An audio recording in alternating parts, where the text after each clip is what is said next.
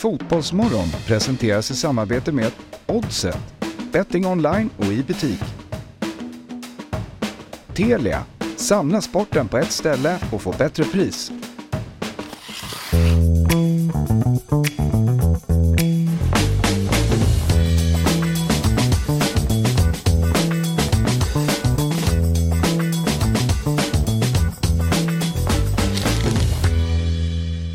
Morgon och hjärtligt välkomna till Fotbollsmorgon nummer 167. Mitt namn är Axel Inslander och jag sitter här tillsammans med Myggan, Niklas Nemi och Fabian Ahlstrand. En härlig panel och vi har fina fina gäster idag också Fabbe. Kul va? Ja. Vi har alltså Lars Lagerbäck och Markus Krunegård som ska äntra studion. Um, vilken gäst är du mest fram jag, jag, jag visste att du skulle ställa den frågan. För jag vet också vad svaret är. Visste, nej, det, ja, vem tror du att det är? Jag tänker att det är Lasse Lagerbäck för du vill prata taktik. Nej, det, alltså det, nej, båda är lika Ledarskap. intressanta och välkomna. Okej. Hur är läget för dig Niklas? Jättebra. Eh, jag, eh, men jag mår väldigt bra känner jag. För att jag är så jävla sugen på just allsvenskan som Ja. vi ska prata om lite idag. Precis. Det är någonting med det som jag har bara brunnit till lite nu efter cupsemifinalerna och Bayerns uttåg också. Så känns det, nu börjar det på riktigt. Mm. Så känner jag. Så att Ja. det känns, eh, ja, men jag är taggad på livet faktiskt. Ja. på grund av allsvenska starten som hägrar. Brukar ofta, jag känner också ofta så i den här, den här perioden av året. Det är väl vår allt möjligt men eh, händer det någonting där ute också. Nej men eh, Myggan. Ja, men samma. prata- Kul med allsvenska upptakten. Ja. som Kommer, förlåt. Upptaktsträffen. Ja, nej, men det är jag, du eh, mest jag är lite, lite glad över den här uh, pausen som är nu. Det är lite skönt, kolla tv-serier eller träffa polare och göra andra saker än kolla på fotboll. Du är liksom landslagsuppehållet. Ja, de här dagarna som innan matcherna börjar. Nu kommer jag nog börja tröttna på det, för jag tycker landslagsfotboll är rätt trist. Ja. Det har varit kul fram tills nu och liksom Ja. grotta ner sig i serier. Första gången i Dobb-TVs historia någon hyllar landslagsuppehållen. Och Mm. dagen innan. Vi brukar göra det ibland när vi pratar fantasy för det är skönt att få en liten paus för att alla är så dåliga. Eh, Det har också varit en ganska intensiv, eh, några intensiva månader nu. Eh, så det jag känner också lite skönt att det liksom är en liten minipaus. Både med svensk och internationell fotboll. Mm. Man kan samla lite kraft. Ja, lite, lite. Det kommer vara mycket sen i april också så det känns som att låt oss ta den här Ja. veckan. Ja. Mesut Özil Ja. slutar spela fotboll, han lägger skorna på hyllan. Eh, 17 år lång karriär blev det. Eh, vunnit fotbolls-VM, spelat för Schalke, Werder Bremen, Real Madrid, Arsenal, Fenerbahce och Istanbul Basaksehir. Här ser vi hans eh, farvälbrev. Eh, v- vad, eh, hur summerar man Mesut Özil som fotbollsspelare? Vad säger du Niklas? Jag summerar nog inte med den bilden själv han har valt med Real Madrid. Jag summerar honom lite som Arsenal. Ja, Jag- ja, verkligen. 100%. Eh, oväntat att han valde just Real Madrid. Ja. Nej, Jag summerar, alltså det, det är ju um, jag tycker skitsvårt. Alltså ex- extremt höga toppar och extremt djupa dalar. Eh, det är väl där han, han, han rör mig inte så mycket, han berör mig inte som spelare så mycket. Nej, okej. Jag är precis tvärtom. Ja, det har- ja. Ja, det är nog en spelare som jag... Alltså jag känner ju väldigt lite för många spelare nu internationellt. Men en av få jag känt mycket för är Özil. Eh, för att jag kommer ihåg när han skrev på för Arsenal. Det var ju som en jättevärvning. Ja. Det var ju, var ju en bomb. Ja, det var väl Arsenals dyraste nu för Eh, va? ja, ja, verkligen. Typ 400-500 miljoner. Kanske är det fortfarande eller? Nej, de tog ju han eh, PP. Och Pepe och Ja, andra Ja. dyra usla Ja, spelare. nej. Men eh, och när han kom och hur bra han var. Eh, och Ja, när han den- kom hösten där var han Ja. det bästa i världen. Eh, Eller kanske längre än höst, kanske var ett, en hel. Nej, det var, det var bara hösten Ja. där. Eh, Assist-kung liksom. Och sen- Precis, det var framförallt assist som Ja, radades upp. och hur han kunde hitta passningar. Det be behövde inte vara assisten men just hur han såg passningar som ingen annan såg. Den gamla, de finns inte kvar i den typen av spelartyp. Det var liksom så här, Fabregas var lite sådär också. Ja, Pirlo var givetvis sådär. Men eh, ja, det, det var ju för sig fint med honom att han, han var, han var tydlig spelartyp. Men sen, han var kvar väldigt länge ju och hängde bara kvar i Arsenal. Ja, Det var ju det som då hans när hans, game, när hans rygg gick sönder för att han gameade för mycket. Ja exakt. som, och så Exakt. här. Den var ju- perioden var ju så lång Han av, var ju av sju, ingenting. åtta år. Helt Det känns som att det är 24. Ja, Ja, precis. spelade Och, två. eh, Liksom. Men, uh, I Arsenal den klubban har gjort flest matcher för. ja, ja, 100 procent. Uh, ja, ja. Han ligger, han, eh, Ja, absolut. typ James Milner gick om han i assistligan någonting precis. Och han låg bisarrt högt upp, typ eh, 14 någonting. Så att han, han var länge i Arsenal onekligen. Jag håller med dig, jag tycker det känns som att han var där. Ja, som du säger, tre, fyra år. Mm. Och att han var i Real Madrid åtta år innan. Mm, Ja, det är ju sinnessjukt. Det, det är liksom... det är helt fel. Men han var ju del av ett otroligt starkt Real Madrid också. Alltså Ja. ja. Özils höjd är ju, var ju skyhög. Ja precis, men det var ju som Niklas sa, så Dalarna, i matcher när det var tuffa matcher, Ja. när han typ tvingades försvara lite, då, då är han ju sämst på plan.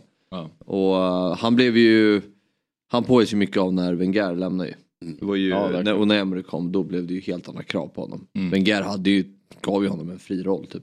Mm. Eh, men i Real var han ju också, han och Ronaldo hade, Ronaldo blev skogstokig när Özil såldes? Ja, okej. för han gjorde Ja. ju så mycket assist Okej. till Ronaldo. Ah, ja, ja. Mm. Nu ska vi prata lite spel, Ja. Myggan. Ja, Och eh, man kan tro att vi skulle gå mot en hel vecka utan ett enda speltips från Myggan. Men så är det ju givetvis inte. icke sa Nicke. eh, Och det är faktiskt Europatips idag. Det är kul så två dagars tips. Ja. Så är det stryket på lördag också. Så det är, Mm. vi rullar på.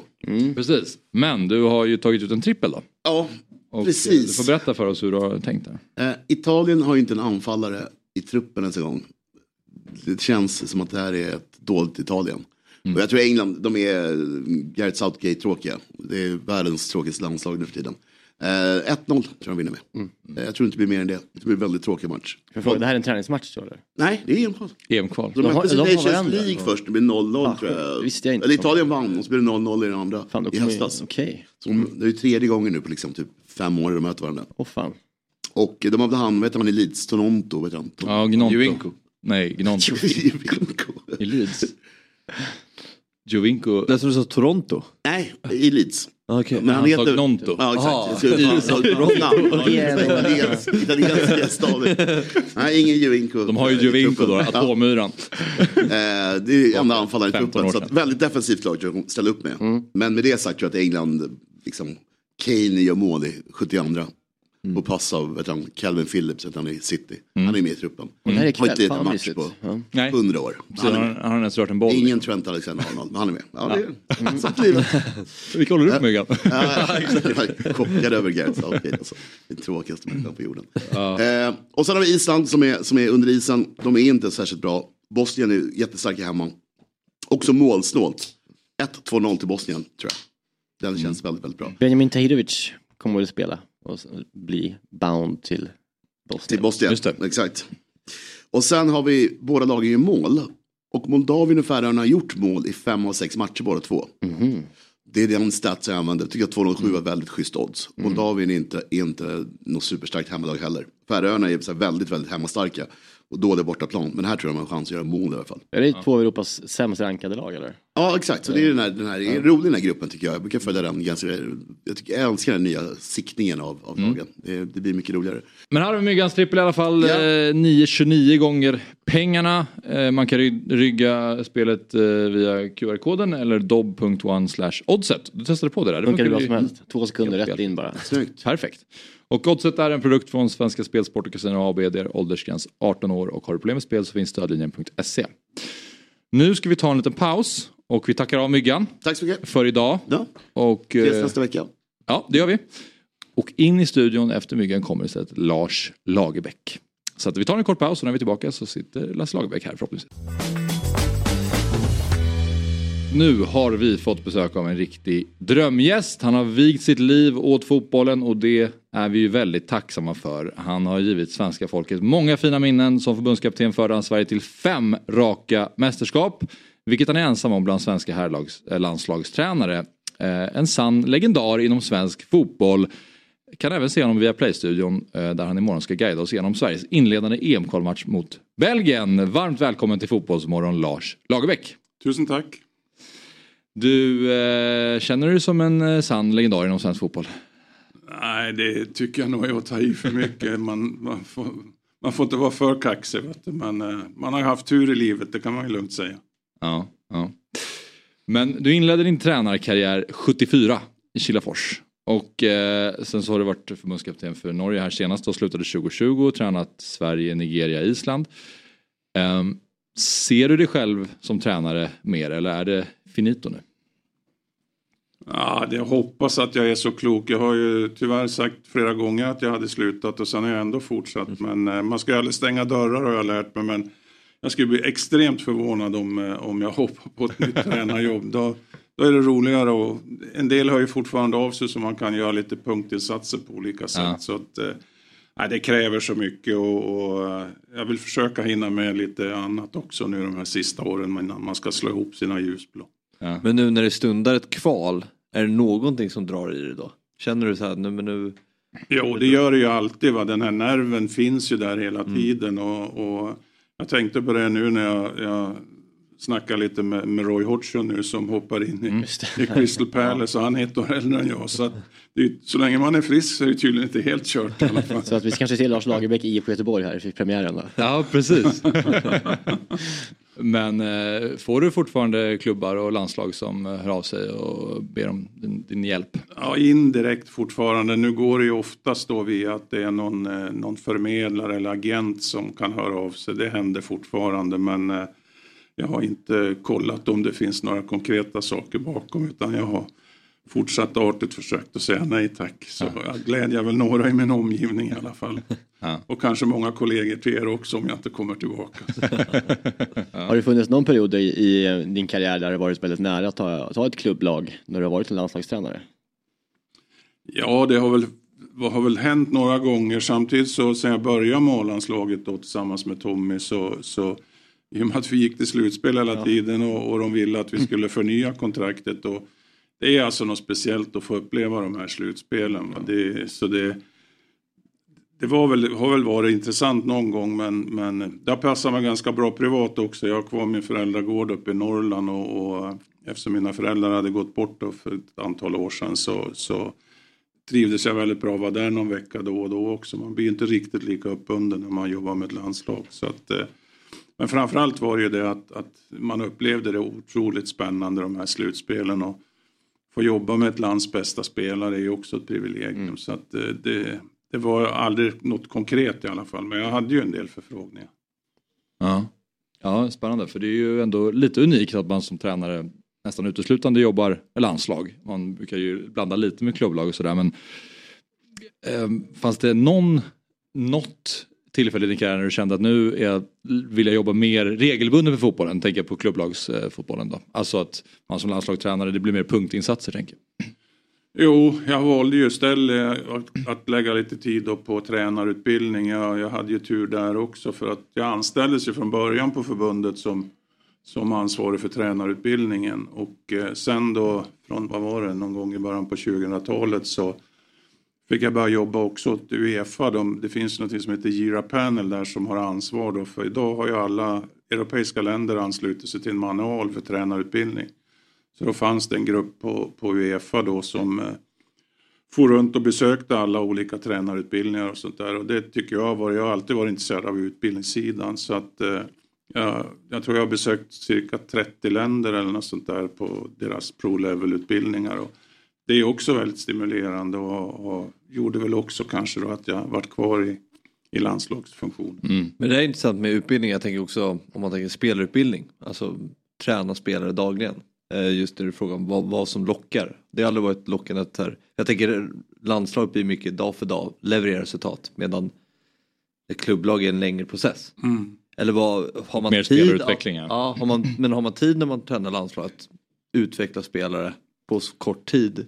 Nej, marginellt. Du, du, vad du gör är ju egentligen, tyck, jag tycker i alla fall om man ska jobba bäst, jag tror man ser det om du ser en del som kommer in då från en låg och även framgångsrik klubbkarriär. Att med ett landslag måste du prioritera och framförallt det jag kanske också har fascinerats mest av eh, i, i fotbollen det är ju den taktiska biten. Och, mm. och du, åtminstone jag har gjort så alltid att, att du har ju liksom prioriterat den taktiska träningen 70-80% av tiden i princip där får du ju en individuell utveckling. För tränar du taktiskt, och det tror jag kanske har försvunnit lite både på klubb och, och landslagssidan nu med de här nya tränargenerationerna. Lite kanske från bakgrund med det här Barcelona-syndromet som jag kallar det som kom i början på 90-talet. Att det har blivit så mycket mer allmänt tycker jag att jag kanske man ägnar för lite tid till att organisera laget. Tränar du en spelare hela tiden i hans position så utvecklar du honom som individ också. Är du högerback så finns det ingen anledning att hålla på och spela för mycket fem mot fem. Nu pratar jag om senior elit. Du får ju träna annorlunda när du utvecklar ja. spelare självklart. Men just den taktiska sidan och spelsförståelsesidan. Och jag har ju mest tränat, man får säga att alla länder jag tränar har varit underdogs. Så eh, det gäller ju att hitta ditt eget spel och din egen idé. Va? Och ju Ska du liksom vinna med Island eller ska du vinna med Sverige mot Spanien eller mot Belgien imorgon? Va? Då, då måste du spela på, på ditt sätt och ha en väldigt tydlig egen spelidé. Du kan aldrig slå de stora elefanterna med, på deras villkor så att ja. säga. Men när du nämner taktik, vad var det du under din år som landslagstränare i ja, Nigeria, Sverige, Island, Norge, vad var det du jobbade mest med? Ja det var det taktiska. Ja. Så att, eh, ja men i det taktiska? Ja, det var ju dels det att organisera laget. Så att tittar du på försvarsspelet, jag tycker ju att fördelarna, det finns inget facit i fotboll, men jag tycker fördelarna eh, i försvarsspelet är att du spelar ett zonförsvar. Idag kallas det ju tydligen positionsförsvar i svensk tränarutbildning. Varför man byter namn vet jag inte. Men, eh, och då jobbar du hela tiden med, med, hur du vill liksom då styra försvarsspelet, hur du vill starta, pressa, hur du använder forwards och övriga laget och sådana saker.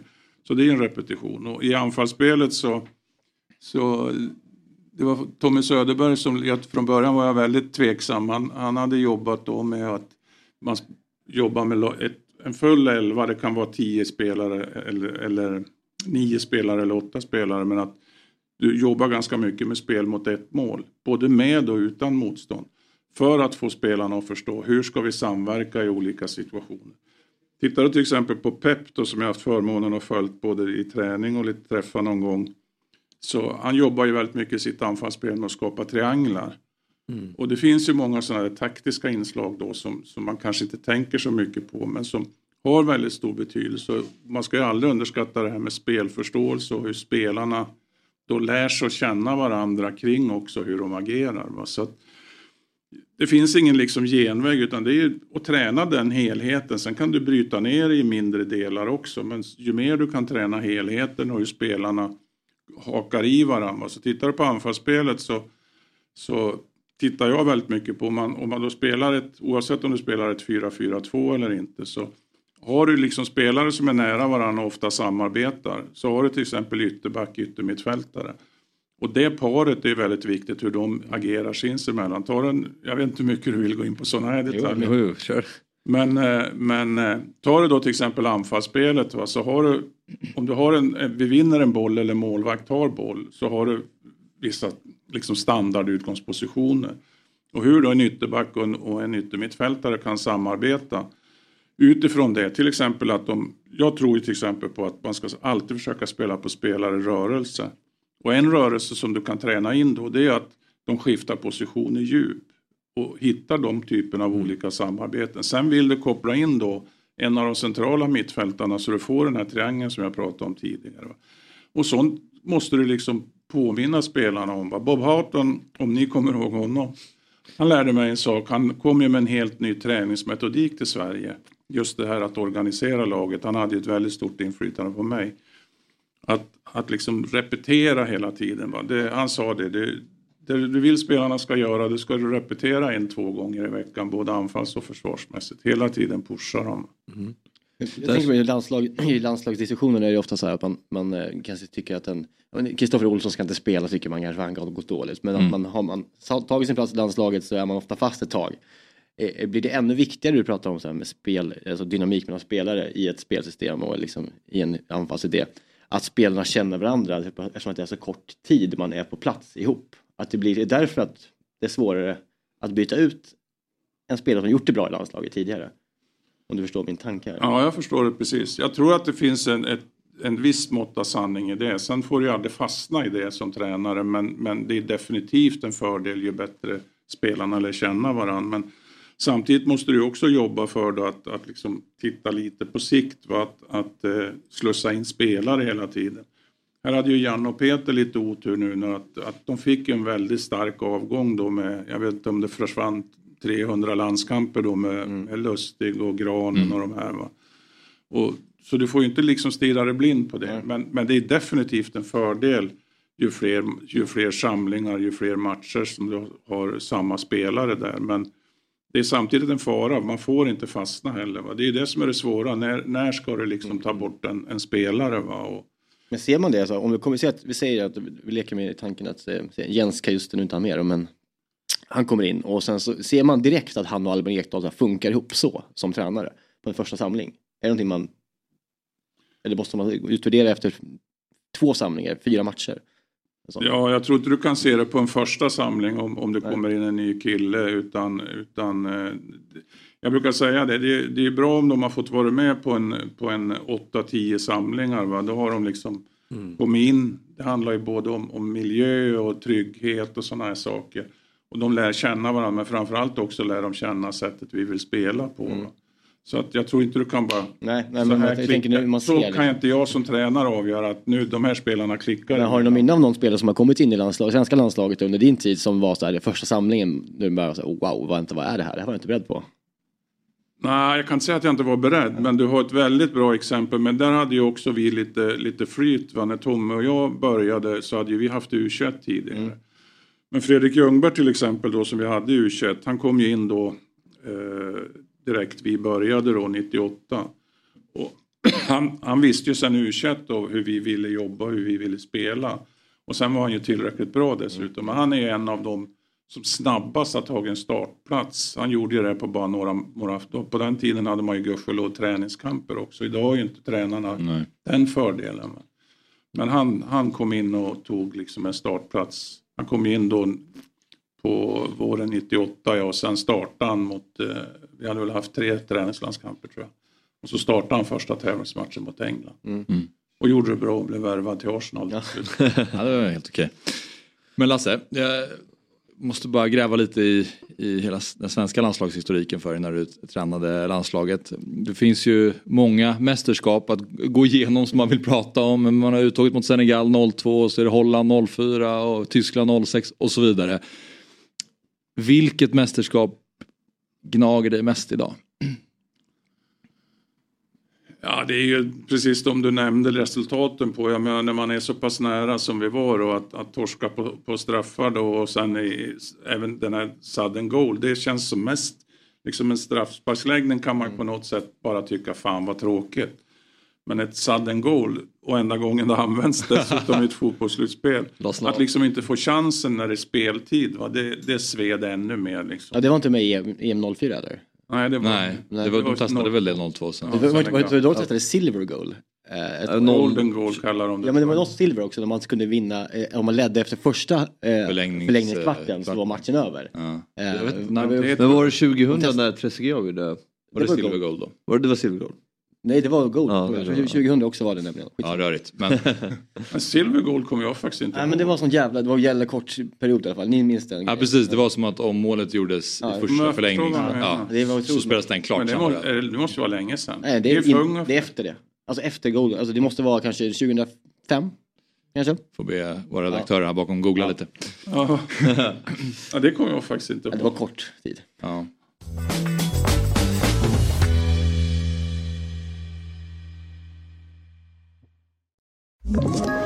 Ett poddtips från Podplay. I podden Något Kaiko garanterar östgötarna Brutti och jag, Davva, dig en stor dos skratt. Där följer jag pladask för köttätandet igen. Man är lite som en jävla vampyr. Man har fått lite blodsmak och då måste man ha mer. Udda spaningar, fängslande anekdoter och en och annan arg rant. Jag måste ha mitt kaffe på morgonen för annars är jag ingen trevlig människa. Då är du ingen trevlig människa, punkt. Något Kaiko, hör du på Podplay. Därför är gardinerna. Lasse, jag tänker vi ska prata lite om dagens landslag också.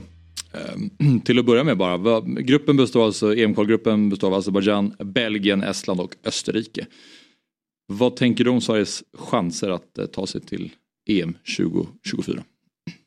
Goda, skulle jag vilja säga. De har inte haft otur i lottningen om man uttrycker sig lite försiktigt. Så att, eh, jag menar, dessutom har de ju lite flyt nu. Eh, Belgien, ny tränare. Jag, jag vet inte om jag räknade rätt, men jag tror att de har 11 spelare borta sedan VM, VM-truppen. Så de genomgår ju en väldigt kraftig generationsväxling nu. Och ny tränare, är ju- det är ju aldrig lätt. Jag menar när jag började i Norge då, det var ju mitt under kvalspelet så det var ju kört redan egentligen i praktiken för Norge. Men jag hade ju inte, jag träffade ju spelarna då, eller fick ju ta ut en trupp. Jag hade ju naturligtvis bra hjälp av Per Johan då som var min assisterande. Han kunde ju norsk fotboll 100 procent. Eh, men då har man alltså tre, tre riktiga träningar och så möter vi Nordirland borta var första matchen. Och har den här nya tränaren nu då lite idéer som kanske inte spelarna riktigt känner igen eller inte är vana vid vare sig klubblag eller tidigare i landslag. Och jag har ju kollat Tedesco här ganska noga och, och spelar han som han har gjort med sina klubblag så blir det en liten förändring för det belgiska landslaget. Mm. Så jag tror att man kan inte möta Belgien under gynnsammare omständigheter eh, om du jämför med vad som har varit under den här perioden när de har varit så bra. Va? Så att ingen vet ju var de står. Samtidigt är ju, det är lite svårt nu för Peter och Janne. Jag har ju försökt nu att Viaplay ville ju att jag skulle göra en analys av Belgien nu och liksom det finns ju så mycket frågetecken. Vi vet inte vad han kommer med Nej, för startelva. Nej. Vi vet inte hur han vill spela. Va? Så här får man ju då lägga upp en, en information gentemot spelarna på ett lite speciellt sätt. Just det. Österrike... Svårt att förbereda sig Ja, för laget. Du? Svårt att förbereda sig för Janne och Ja, man, man får i alla fall som jag gjorde i sådana situationer då så du försöker nu och han borde ju spela något sånt här likt som han har, han har spelat sista, sina sista två klubblag här som han har haft. Han, om man, man kollar ju upp med folk som känner honom också att, att eh, han har ju lite sin filosofi och sånt där. Men här får du ju bygga upp då att det här är en trolig uppställning. Det är inte så där extremt avgörande men, men jag menar han vill oftast ha spelat med trebackslinje och det är lite skillnad hur man möter tre respektive fyrbackslinje. Eh, men sen då så, så en sån här gång, man går ju alltid igenom nyckelspelare i motståndarlaget lite extra. Men den här gången skulle nog jag, om jag hade haft svenska landslaget, lagt lite mer tid på deras individuellt väldigt viktiga spelare. Typ De Bruyne naturligtvis. Starta Lukaku. Fördelen är också när du möter ett lag som Belgien att åtminstone var det så på min tid att de, de, de svenska spelarna kunde ju de här som spelar på toppnivå ganska bra. Va? Men det, där har du ju ett frågetecken. Eh, Men samtidigt då ett gynnsamt frågetecken om jag uttrycker mig. Och den nya generationen belgare är ju inte på samma nivå som den förra. Alltså, det, det känns inte med samma eh, bra... Den gen- generation, den generation som kommer nu känns inte lika bra som den som var. Nej, inte lika namnstark i alla fall. Nej, de- de de, det är bra spelare men du vet att jag tror ju också det här med, med spela på toppnivå oavsett om det är i topplag i, i topp 5-ligorna eller i ett landslag. Erfarenhet är otroligt viktigt. Kanske ännu viktigare i, i landslaget eftersom det har så lite tid. Och jag tror nu med de här spelarna så det försvann över 500 landskamper tror jag för Belgien. Det, Så att det, det är den erfarenheten. De har ju tappat en hel del. Sen har de fortfarande en bra stomme och de spelare som kommer in spelar ju toppligor och är ja, bra. är bra. Österrike, Rangnick, relativt ny. Eh, också en liten fördel för Sverige. Eh, är dessutom, ja vad ska jag säga, jag känner inte honom alls personligen men det jag har hört och liksom, det finns väldigt olika meningar om honom som tränare. Han har ju också varit lite mera sportchef i, i Red Bull-organisationen och sådana här saker. De är också i lite grann en generationsväxling. Va? Så att eh, så här pass gynnsamt att topplaget då, toppsidade laget inte är sådär kanske hundraprocentigt lika bra som de var för något år sedan. Och dessutom Österrike är också lite sådär osäkert var de står. Va? Så att jag bedömer chanserna som goda om, om Janne och Peter nu får till en tydlig spelidé och, och, och också hoppas jag de verkligen bestämmer sig nu att nu ska vi spela konsekvent så här va? och, och balansera laget på ett bra sätt. Så tror jag Sverige har väldigt goda chanser att bli sämst tvåa i gruppen. Det är ju lite oklart vilka som kommer spela också. Tidigare när man, man är lite spänd på startelvan, ja. ja. Det är såklart vilka elva som tränaren kommer ställa upp med. Hur, och formation. Hur tycker du Sverige ska ställa upp? Du menar med vilka, vilken startelva? ja, men jag tänker så här, centrala mittfältspositionen är intressant. Mm. Eh, det är väl lite oklart vilka positioner har vi mer som är lite Det är en. Det, anfallsposition. det finns mycket som är intressant nu och han har ju lite att, att laborera med. Va? Du har också det här med några äldre spelare och erfarna kontra de som kanske bara har gjort fem, åtta landskamper eller något sånt där. Va?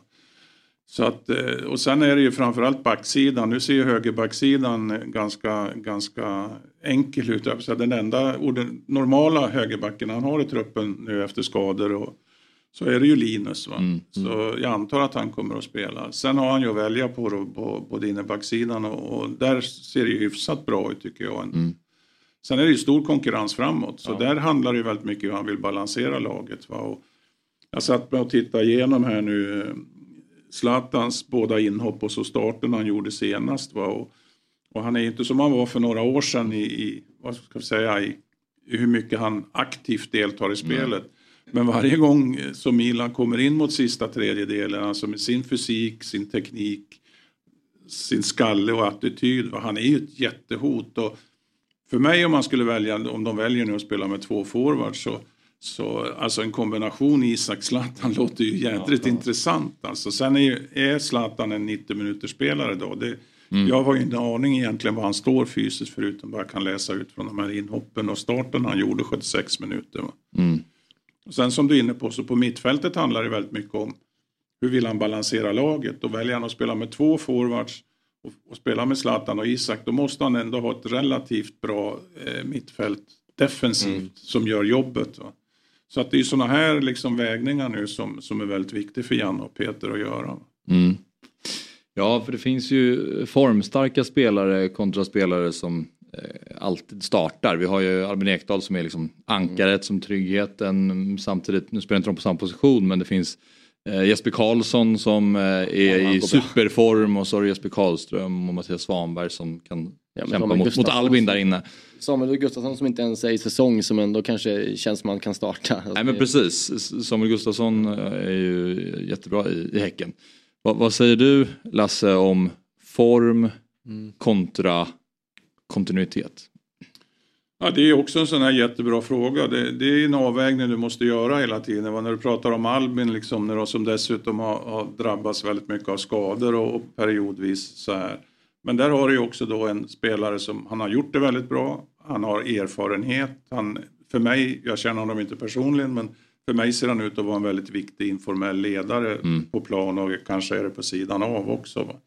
Så det är ju sådana där liksom saker. Du, och så måste du titta då på balansen. Vad ska du, jag antar att han kommer, om han spelar med fyr, fyr, fyrmannamittfält, att, han, att en sån som, som Forsberg är naturligtvis i mina ögon given. Va?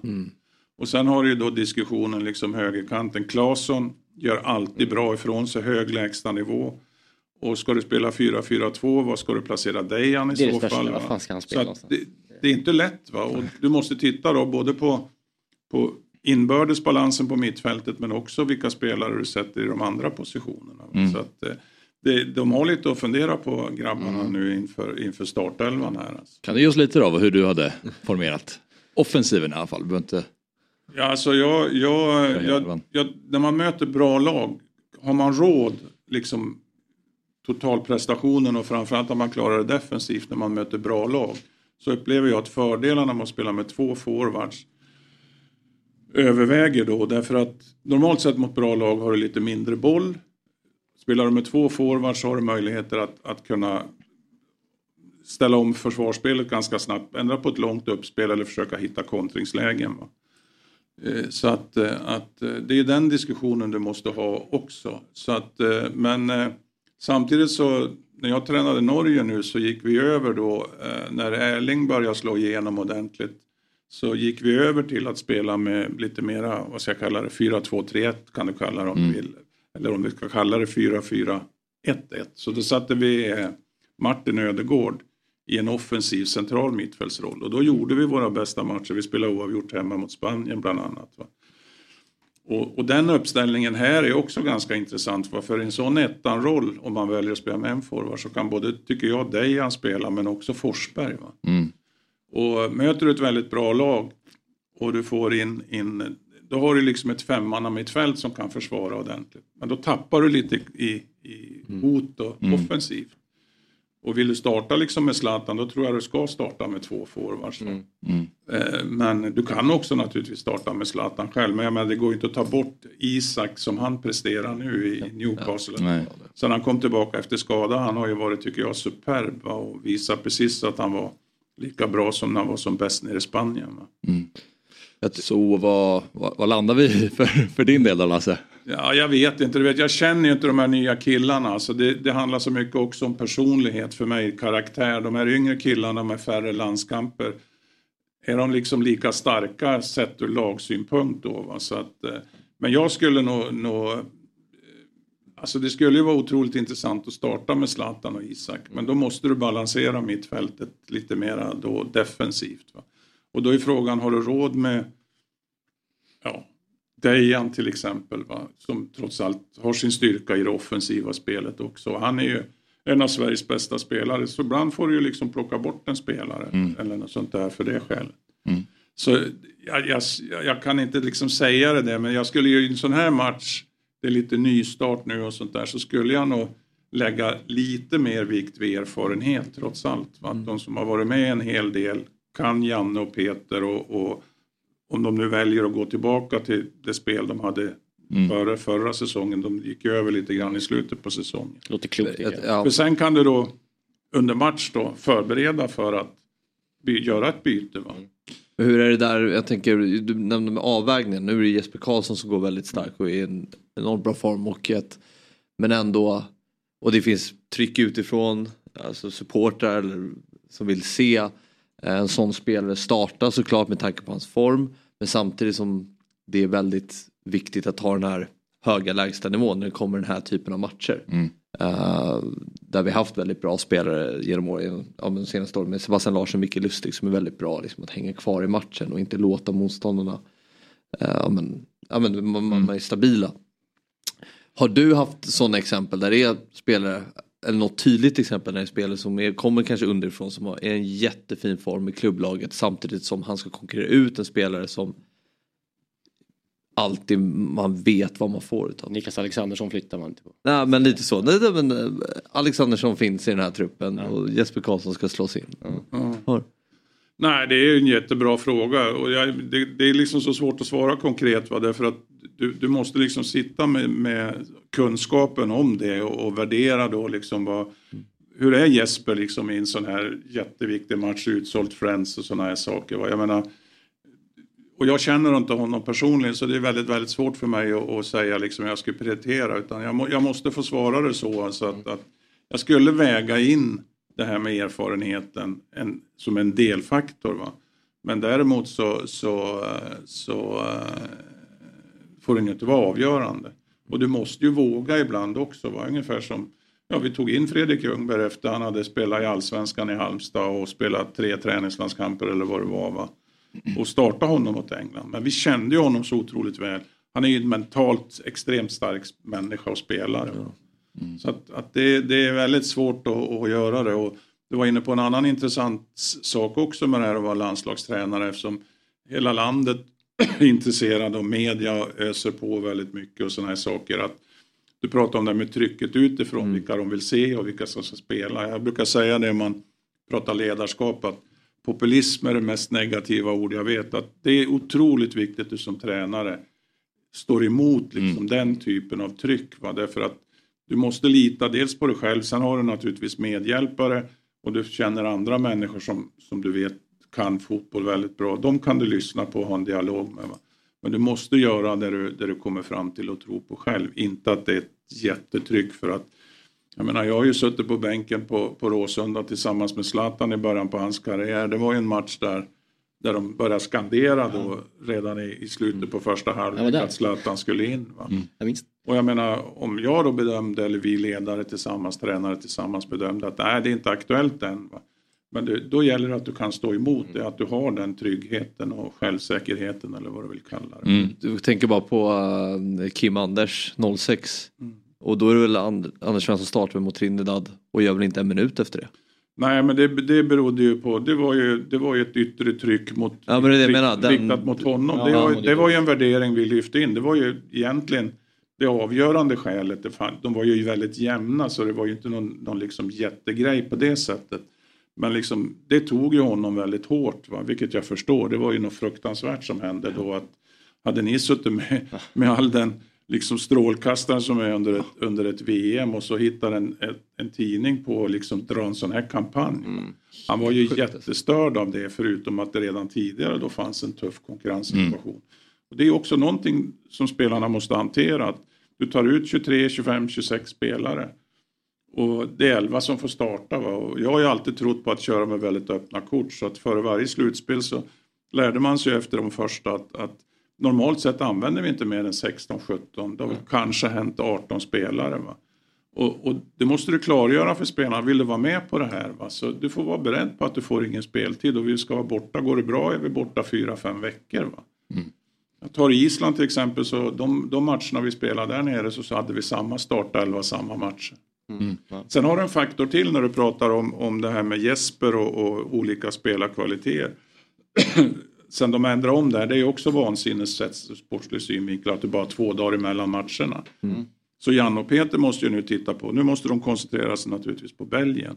Men de måste också samtidigt ha lite i bakhuvudet. Vad ska vi ställa upp med mot Azerbajdzjan? Är det bra att vi kanske har någon form av rotering? Olika spelare reagerar olika också med kort återhämtning så du måste väga in Det i en- diskussionen Exakt, också. verkligen. Ja. Men eh, Lasse, i tisdags så hade ju Zlatan presskonferens. Det vart ju fem, sex olika rubriker om allt från hans eh, son till eh, Qatar. Eh, du har jobbat med honom under många år som förbundskapten, haft att göra med Zlatan Ibrahimovic. vad, vad är dina reflektioner efter den eh, presskonferensen och liksom hur, hur, hur, den plats han, han tog? Ja, här får man ju väga sina ord men eh, jag skulle vilja säga att, att nu har ju jag liksom, det är flera år sedan jag hade kontakt med Zlatan senast nu men så jag följer honom bara utifrån som ni gör men, men eh, jag kan inte säga att jag blir förvånad. Han har ju alltid, han var väl ganska försiktig första åren i landslaget men ju mer erfarenhet han fick och ju bättre det gick för honom så han, han har ju alltid han har ju, han har ju en mental styrka och ett självförtroende som är unikt. Va? Och, och han har ju alltid successivt genom åren varit lite mer provocerande i sitt sätt när han träffar media. Va? Och det är en otroligt smart kille. Va? Så att han, han, har ju, han har ju koll på allting. Va? Så att eh, jag kan inte säga att jag blir förvånad att han väljer att svara på det sättet. Sen vad han innerst inne tycker kanske inte alltid stämmer med vad han säger. Va? Men, men det, det visar ju liksom vilken status han har skaffat sig och vilket självförtroende han har att gå ut och svara på det här sättet som han gör. Va? Jag förvånar, förvånar mig lite liksom att han, det var, han drev ju liksom när han pratade om första tio, det är 10 poäng. Ja, det är en, Och sen så, det är, ironi. han, man ser ju på honom att han, Han pro- han vill ju ska provocera. provocera Ja, personerna. ja. Men sen att han ändå går och de ska lägga ut texten där i SVT sen och bara Mm. så här, har de kriminalitet? Nej. Har de droger? Nej. Alltså att han liksom inte bara släpper det där och bara så här, jag kan svara på det. Det är Men- konstigt. Tyckte du att det var eh, besvärligt att hantera Zlatan? Nej, ja, jag kan säga så här att besvärligt tyckte jag inte det var. Vi fick en ganska bra relation och sen eh, hade vi också fördelen att, att eh, det var ju större delen av tiden med Zlatan jobbade ju med Roland Andersson. Och han tog ju upp honom i A-truppen i, i Malmö FF så Roland och han hade ju en, en relation tillbaka. Va? Men jag har upplevt Zlatan på det sättet att, att eh, om han upplever att man, man liksom är, jag tror han uppskattar om man är rak och ärlig som ledare och, och så här så att, eh, att eh, då respekterar han en på något sätt. Va? Och, och, så sen under den här resan, från början var han ju inte ordinarie, det tog ju något år innan han, han eh, blev startspelare i landslaget så han fick sitta en del på bänken i början. Va? Men han har ju en drivkraft att vara bäst. Va? Och, och, så känner han sig utmanad då eller inte respekterar någon eller något sånt där så, så då kan han ju vara väldigt tuff. Va? Så att, eh, och jag menar det är ju välkänt va? att, att visst, det vart ju lite grupperingar, alla gillar inte varann men, men eh, däremot var de ju väldigt professionella så jag har ju suttit några gånger med, med till exempel Fredrik och Zlatan och, och de, de, det var ju inga som gick ut och tog en fika med varandra om jag uttrycker mig så. Men där pratar vi hela tiden om det här med professionalitet och sen ser du när de är på, på plan. Så gör någon av dem ett mål så är de ju där och då, då är det ju den professionella glädjen där på en gång. Va? Men jag upplevde att det, det gick, gick bra att jobba med Zlatan men just där att, att det var, de kunde vara lite provocerande ibland och ibland small det ju lite extra i vissa närkamper och sånt där. Och det, det var inte bara Zlatan utan det var ju andra som gjorde det med, gentemot Zlatan också. Va? Men så här, ibland, man fick ju vara lite på tå som ledare men, men eh, jag tror också att blir det för, för liksom snällt eller vad jag ska uttrycka. Jag tror att det fanns en dynamik i det här gänget.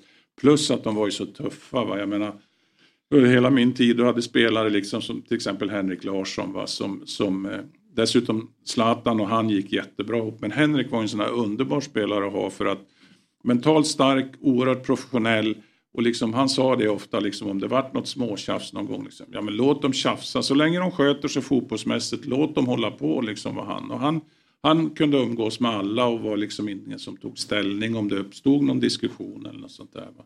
Så det fanns ju väldigt många sådana starka personligheter i, i laget. Och Om du tar i början liksom då du hade, hade en sån som Stefan Svarts till exempel. Va? Som liksom är en sån här som alla ska göra sitt bästa, punkt slut. Annars så får du en jävla tackling på en träning eller något sånt där. Va? Så vi pratade om det tidigare, det var ett oerhört kar- karaktärsstarkt lag. Så det hjälper ju oss som tränare också.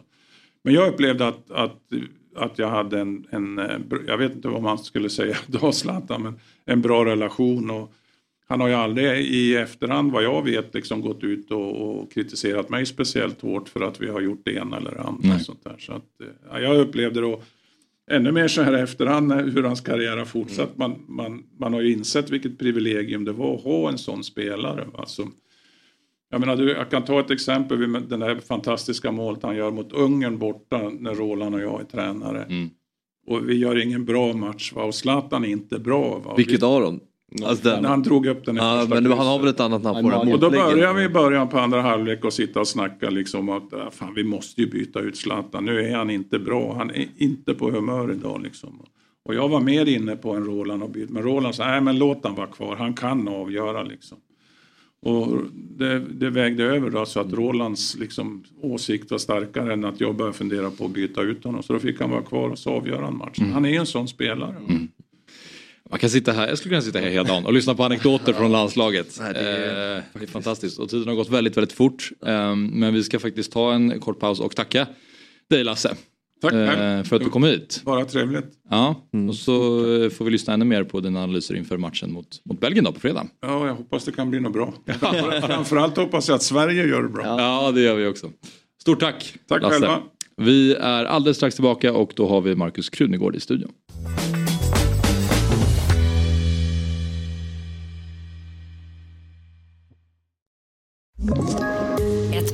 Poddtips från Podplay.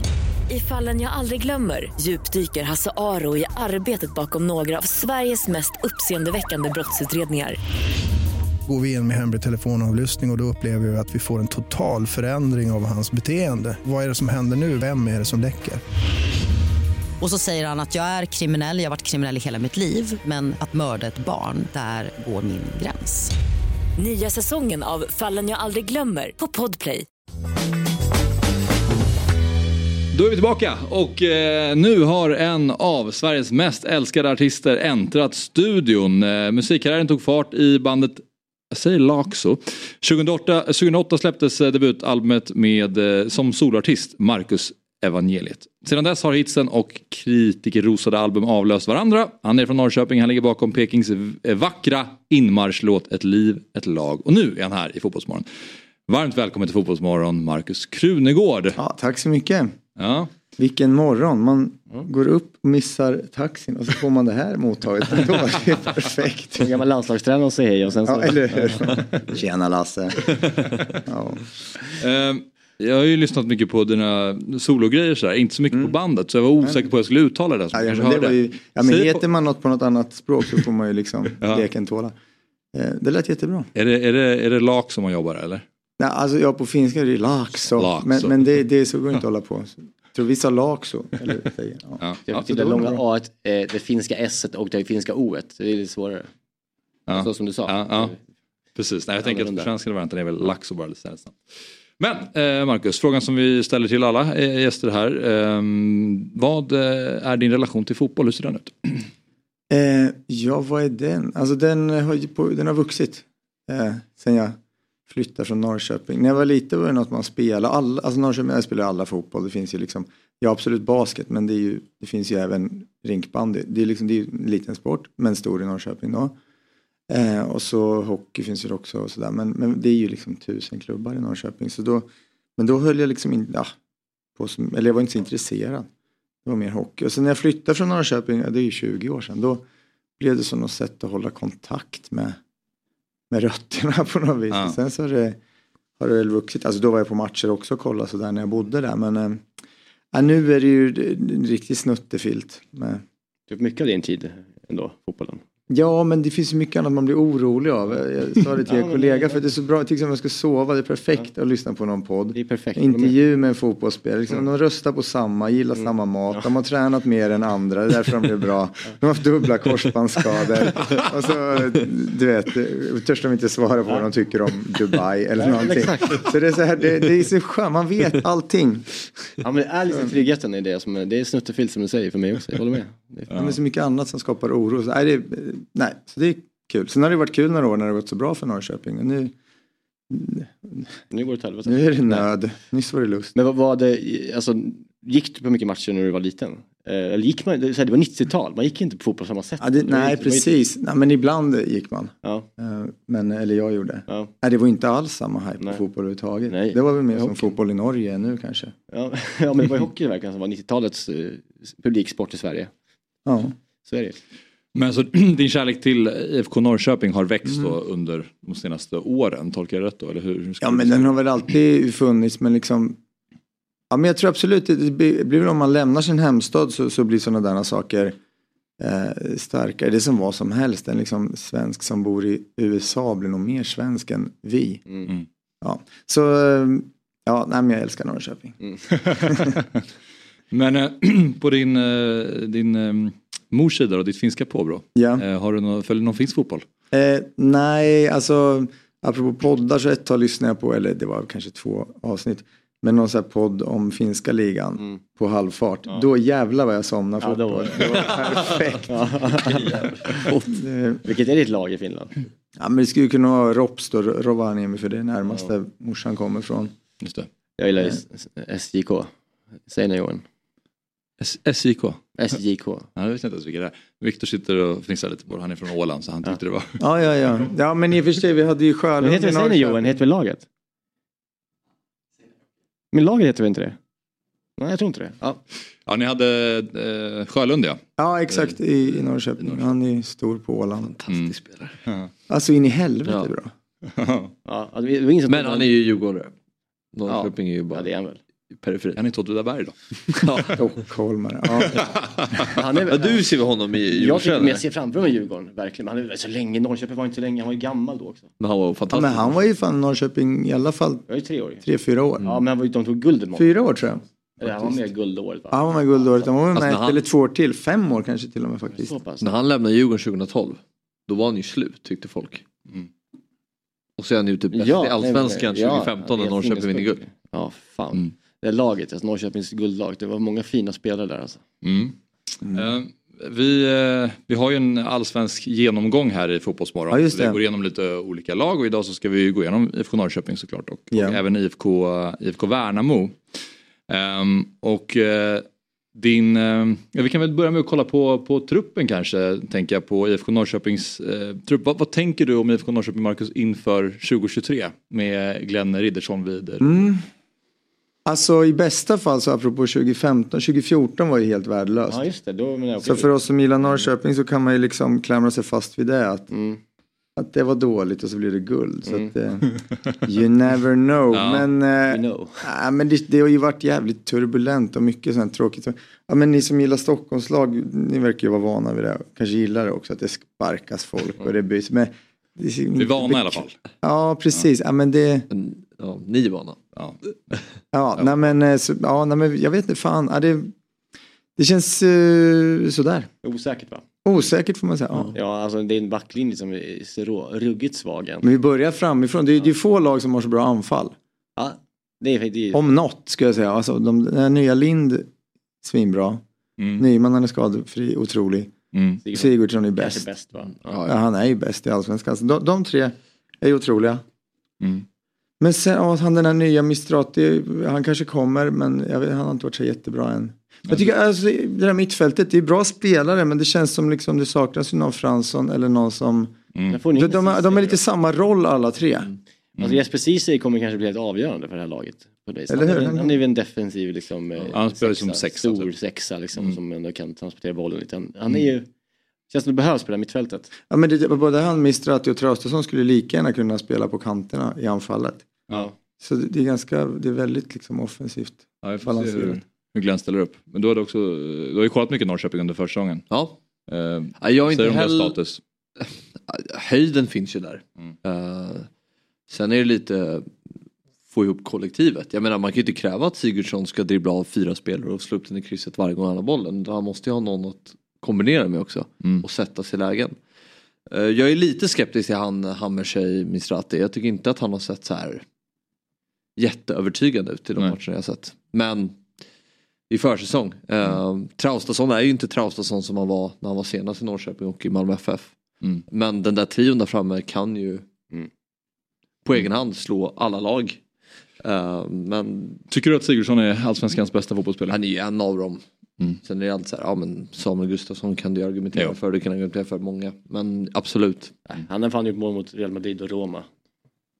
I, CSKA Moskva. Mm. Sigurdsson. Ja, det säger någonting. Det säger fan någonting. Men backlinjen tycker jag det känns som ett bottenlag. Eller?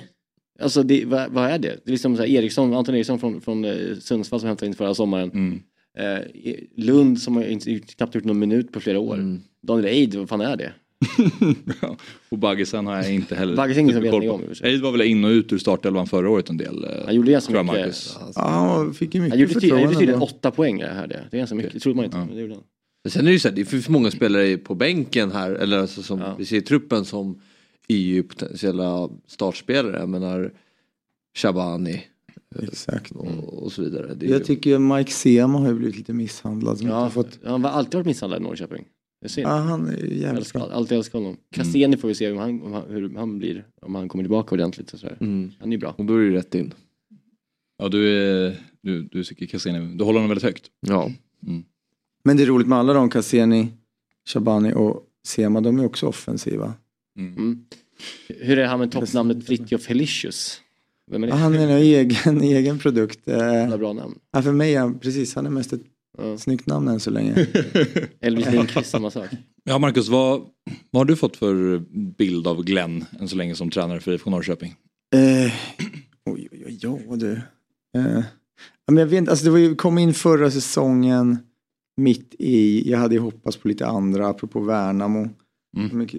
Kim Hallberg eller, eller någon sån. Um, så han har väl börjat lite i motvind för mig, men, men jag ger han eh, tid här. Det, det blir bra. Sen är det också just när det har gått från liksom halva startelvan från stan till halva från Danmark. Det, ja, Ja. det, det är bara att prova.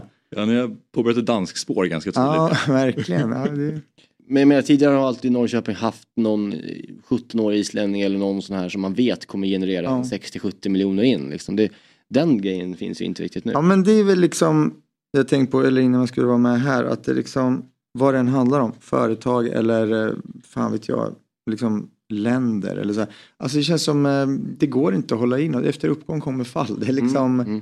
folk vill ha revolution, även om det går bra. Men som Norrköping lägger sig tvåa, femma, tvåa, trea, många år. Gick efter guldet, det blev det ju direkt gamla Norrköping. Man, Fan tvåa, alltså för jävla skit. Man bara, ja det är ganska jävla grymt för att vara en stad med liksom 130 000 invånare. Ja. Ehm, ja. Nej, så Ja, det, där, det är det där. omöjligt att säga, att behålla den typen av, vad ska jag säga, den storlek på stadens ekonomi, den, den klubb på den nivån så länge. Så. Det Mm. går ju, ingen kan ju göra det. det är så, alla faller efter sju år, gyllene sju år. ja men det gick lite väl fort från liksom att ta den här eh, tydliga identitet, spela roligast fotboll, alla vill komma till Norrköping. Ehm, och just talanger, ja men precis, till att köpa 27-åringar Mm. som går sönder. Ja, jag vet inte, alltså, sen är det också som det är nu, jag menar det är ju liksom truppen består av spelare som har kommit under tre olika tränare. Mm. Så det måste ju vara svårt som spelare också. Att jag blev värvad av. Jensa och sen Ja. så nu är det tredje generationen efter det. Eller, ja. Mm. Men också svårt, jag menar tänk med Totte, Wahlqvist, Fransson, alla som kommer från staden. Liksom, det är ju, Mm. Den återväxten är ju inte så lätt att få. Nej, alltså att det kommer nya sådana karaktärer. Jag menar Totte är ju, Nej. det är ju stadens son. Liksom. Det, Ja men samtidigt så var det, de hade ju inte, alltså de var ju tvungna då när ekonomin var dålig och vad det nu var, 2010, 11, 12, vad det nu var, starta om liksom. Men Norrköping har alltid varit som något så här Stockholmslag i Östergötland. Mm. Ja men vi är bäst. Mm. Och då var man tvungen att rannsaka sig lite grann. Eh, ba- Bara på gott liksom. Mm. Ehm, och då var man tvungen att släppa fram massa talanger, det skulle man kunna göra nu med. Eh, jag tror inte att den generationen var så jävla mycket bättre än de som är Nej, och, och den 17, 18 pressen nu. utifrån finns inte heller på att Norrköping ska komma topp 3, topp 4 i år. Mm. Alltså det finns ju möjlighet i, liksom, om man pratar i... Som, Lex 2014-15 så kommer de i etta då. Men, Ja, ja, just det. Ja, men pressen fanns ju inte då 2014 inför det. eh, Men det finns ju ett utrymme här för att liksom börja om ordentligt Mm. eh, i det här läget. Det känns lite, jag tycker det känns lite konstgjord andning med den här eh, med Glenn som tränare och eh, deras spelare på lån, danskar, eh, oklara värvningar, oklar ledning framförallt i klubben. Det jag är lite orolig för. för Ja, det är jag nog mest orolig för. Men liksom, alltså, om ledningen är rörig då blir hela klubben rörig. Mm. Och utan att ha sån insyn så känns det ju verkligen som att det är så. Liksom. Mm. Ja. Jag, har ju, ja, jag har ju gjort en profetia här, profetia här i Fotbollsmorgon i höstas att Norrköping spelar Superettan 2025. Alltså de åker ur nästa år. Ja, Okej. Mm. Följa upp 20, 2025. Men eh, vi har eh, fått ett tabelltips från dig Marcus. Och Ja, eh, precis. vi har bild på ditt block här när du har skrivit ner det. Väldigt prydligt och med mycket information här. Ja, kan du sortera ut vad vi ser? Ja, det finns ju mycket. Det här är anledningen till att jag var sen. eh, nej, men det, är- det är olika kolumner. Till, längst till vänster så är det liksom massa tabeller på känn. Och de hamnar då längst till höger, det står tips. Ja, och sen kan man börja från vänster i kolumnen. Och du är trupp då, vad jag tycker om trupperna. Ekonomi orkar jag inte googla, det är vad jag tror att det typ hur det ser ut. Eh, form, ja det är någon slags form typ nu. Ja, och så harmoni i klubben, eh, fjärde. Ja. Ja, och sen väger man ihop dem där då. Och då får man ju, de som har lägst poäng kommer eh, högst. Och de som har högst poäng kommer sist. Och sen de här pilarna till vänster, det är då liksom om man delar eh, poängen, till exempel Djurgården. Ja. De har kommit trea. Tre gånger fem, det är fem kolumner, är 15. Ja. Ehm, 15 delat på fem är tre. Ja, då, då kommer de på tredje plats är där Djurgården ska komma liksom. okej. Medan om det, de som har pil neråt, deras poäng är snarare lite högre. Än vad de kommer komma. Exakt. Ja. Så ja. Ja, så, men- men, och så kan man se där nere, det är väldigt plottrigt men Mjällby, IFK Norrköping, Göteborg och Värnamo, det är de som liksom kan eh, variera mest enligt det här tipset. Alltså med de liksom. här uträkningarna så är det ju verkligen en superrimlig tabell också. Alltså jag tycker, Ja. för mig känns den eh, ganska lik min egen tror jag. Alltså, Ja. Hyfsat lik. Ja. Det är, det är underbart att just ekonomin, att du gick lite på feeling där. Ja, men det är så tråkigt. Här Ja, men plus att det är lite svårt om man tar Norrköping. Ja, de kanske har näst mest eget kapital men de har ju mindre publik och eh, på nå- kanske ändå av någon anledning mindre pengar att betala lön Ja, till att Norrköping är, går ju, alltså, de går alltid med driftunderskott har jag läst. Ja, de jo, det- måste sälja för att de, de, har, de lever för sin budget som de lever på eh, framtida försäljningar. Som Norrköping med Lyxfällan 2025. Ja, men lite så. Det är, alltså, jag lovar dig. Men vad är liksom tongångarna? Du är ju Norrköping som åtta här. Vad är... Ja, sjua blev de efter alla, ja, jag Okej. gjorde om där. Ja, mm. Ja, Den det- där nere där, stämmer. Ja. där någonstans. Vad är förväntansbilden på Norrköping? Känns ju ändå som att man inte har så jättestora förväntningar. Det är ju alltid kul att roa sig på forumet Gnällbänken. Ja. Det är ju som det låter. Det ju gnäll-. Och där är det ju inte... Jag har inte varit inne på andra forum men det är ju så jävla tjatigt där alltså. Vi tror inte på guld där. Och så är det någon Tad som alla hatar och någon annan som, ja, det är så jävla konstigt. Men nej men känslan är, eftersom förra året var så kämpigt så, så jag tror alla ja, men ger lite tålamod med att så här, men vi provar det här nu då. Eh, liksom, istället för att sparka styrelse och tränare och allting liksom. Ehm, men ja, nej, men jag tror väl att det är någonstans där 7-8 tror jag inte någon är så jättebesviken på. Sen Någon- om de får ihop alltså absolut. Då kan Om du de läser komma av stämningen i, i stan och i Norrköping, eller i klubben framförallt, framförallt. Finns det en stor risk tror du med alltså en, säg en tolfte plats och liksom tre raka förluster i juni att man sparkar Glenn Riddersholm och tar in en ny tränare? Eller är det liksom, han kommer sitta nu och de, nu ger vi honom chansen? Jag vet inte fan om det är liksom fyra, fem danskar i truppen Ja. och han. Då Ja. får man väl Ja, ja, sitta ja, men jag, i jag, den jag, båten ett tag tänker jag. jag menar Eh. bara vad, känslan är kring ledningen. Är de, en, är de, här, är de trigger happy så att säga? Eller är det Ja, liksom men jag tror fortfarande lite ångest efter den här Hunt-grejen och nu Mårten. Det har varit så mycket folk som blir liksom, får gå hit och dit av olika oklara eller klara anledningar. Liksom. Mm. Så jag tror väl, jag kan bara prata för mig själv, det skulle vara skönt att ha lite Ja. lugn och ro. Även om, som sagt, jag kanske hade hellre haft Kim Hallberg eller så och ha kvar Mårten och så vidare. Men nu är det inte så. Nej. Men, ehm, men däremot så, alltså likadant som det här med spelare från stan och så, liksom, intresset blir ju större då också. Det är svårare att bli intresserad av Verkligen. Mistrati eller vad det hammers. Ja. Mistrati hum, Hammers? Hammers, ja. Hur viktigt tycker du sånt här? För jag håller med om det. Ja. Jag tycker det är liksom mycket, jag följer ju hellre en 18-årig knatte med ett roligt namn från stan än liksom en inköpt någon. Mm. Och det ska ju finnas någon blandning såklart. Men, men det är mycket, eh, ja men det är också, jag kommer ju hellre tolva med massa talanger än liksom femma med ett inköpt lag liksom. Mm. Men räknar du, när du vill ha en local bound, då tänker du liksom så här Ja, men liksom, eh, Lasse från Motala kan också, det, är också ändå, det känns ändå nära. Ta in en sån kille, känns det, alltså en ung Lasse. inte En gammal. ung Lasse. Ja, jo men vadå, men det är som islänningarna när de har kommit unga, då känns de ju som Norrköping. Ja. Ja. Och Sigurdsson känns ju Norrköping eftersom han kom så tidigt. Ja. Mm. Ja, ja, precis. Det räknas. Ja, men det är många, det är just, Östergötland är stort menar jag, så man kan ju ta in det i hela, Ja, hela precis. Linköping. Men sen finns ju mycket, ett tag var ju Djurgården var ju liksom Norrköping norra och Värnamo är ju Norrköping södra nu. Så man kan ju plocka talanger där också. Ja, just det. Om det känns som hemma. Men Marcus, eh, du har ju också skrivit inmarschlåten för Ja, det. Norrköping, ett liv, ett lag. Som jag bara vill stanna till vid lite kort. Hur, hur var den processen att skriva en inmarschlåt till sitt eget lag? Eh, ja men processen var att jag tackade nej massa gånger. Okej.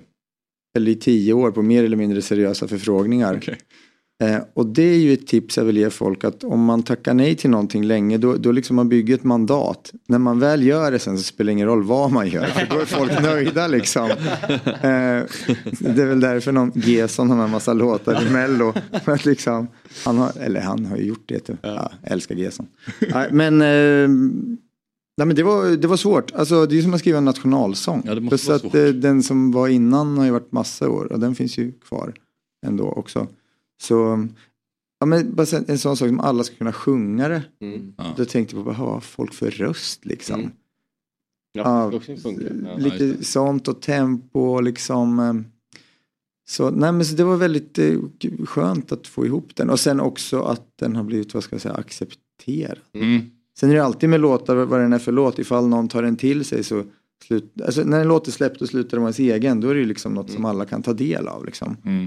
Eh, så det är väldigt kul att eh, folk Står liksom till och med gillar tröjan här bak på dem, ett liv, ett lag? Ja, jag tror det. Eller gjorde det i alla fall. Ja, de kör hårt på den. Ja, det är fint ändå. Att man Mm. kan, det hade jag varit väldigt stolt över som om Ja, jo, jo, ja, det är ju få in en, en, en line sådär. Ja. Som sätter sig genom hela, klubb, hela klubben. Ja, jo, verkligen. Men känner du dig nöjd med låten? Ja, nej men för fan, det känns bra. Det är något S som låter lite läspigt på inspelningen, men eh, annars är jag jättenöjd. Jag minns att du, innan du gjorde den låten släppte du ändå att, eh, som jag var med och gjorde musikvideon med dig. Just det. Eh, Mm, Så mm. minns jag då att du sa att den här är en fotbollslåt. Det var så kul att skriva fotbollslåtar. Ja, just det. Att du var sugen på att göra det. Och så skrev du, det var den Ja, här just OA, E. Ja, just det. Ja, men den bygger på en fotbollsramsa. Ja, precis. Mm. Ja, men då, då kände jag att du, och då- precis samma höst efter tror jag, så skrev du, eller kom den här låten ut.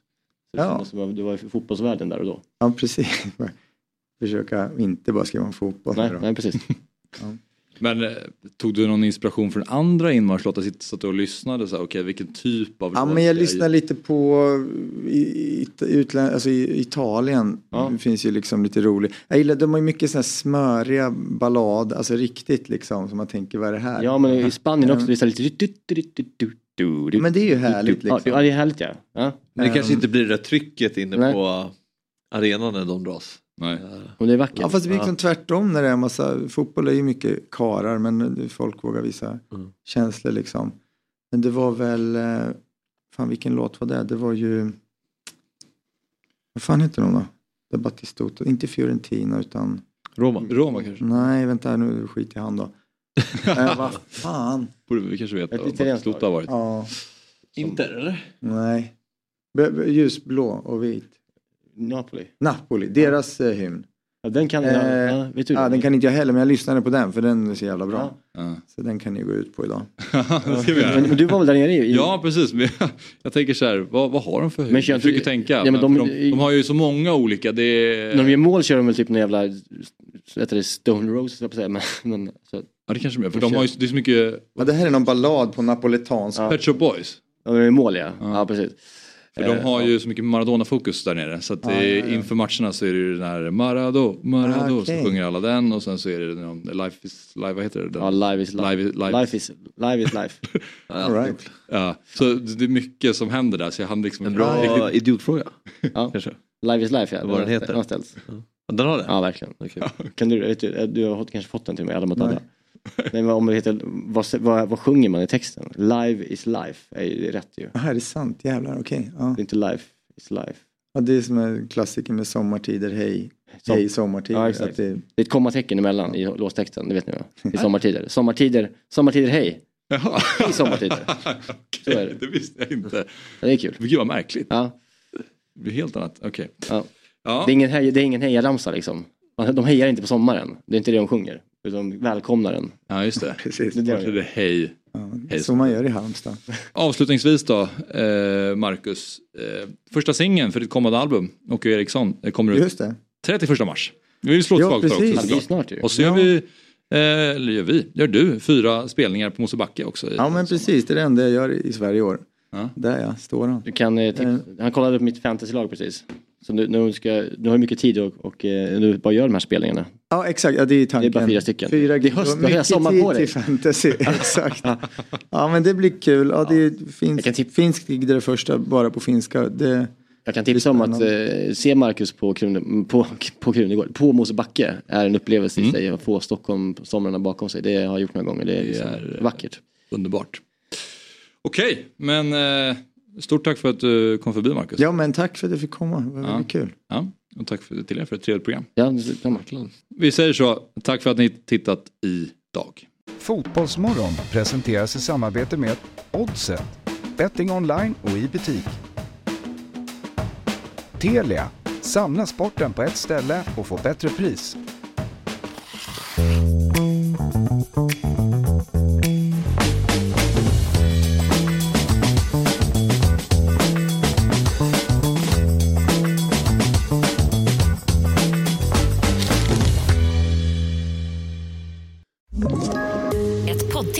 Podplay. I podden Något Kaiko garanterar östgötarna Brutti och jag, Davva, dig en stor dos skratt. Där följer jag pladask för köttätandet igen. Man är lite som en jävla vampyr. Man har fått lite blodsmak och då måste man ha mer. Udda spaningar, fängslande anekdoter och en och annan arg rant. Jag måste ha mitt kaffe på morgonen för annars är jag ingen trevlig människa. Då är du ingen trevlig människa, punkt. Något Kaiko, hör du på Podplay. Därför är gardinerna.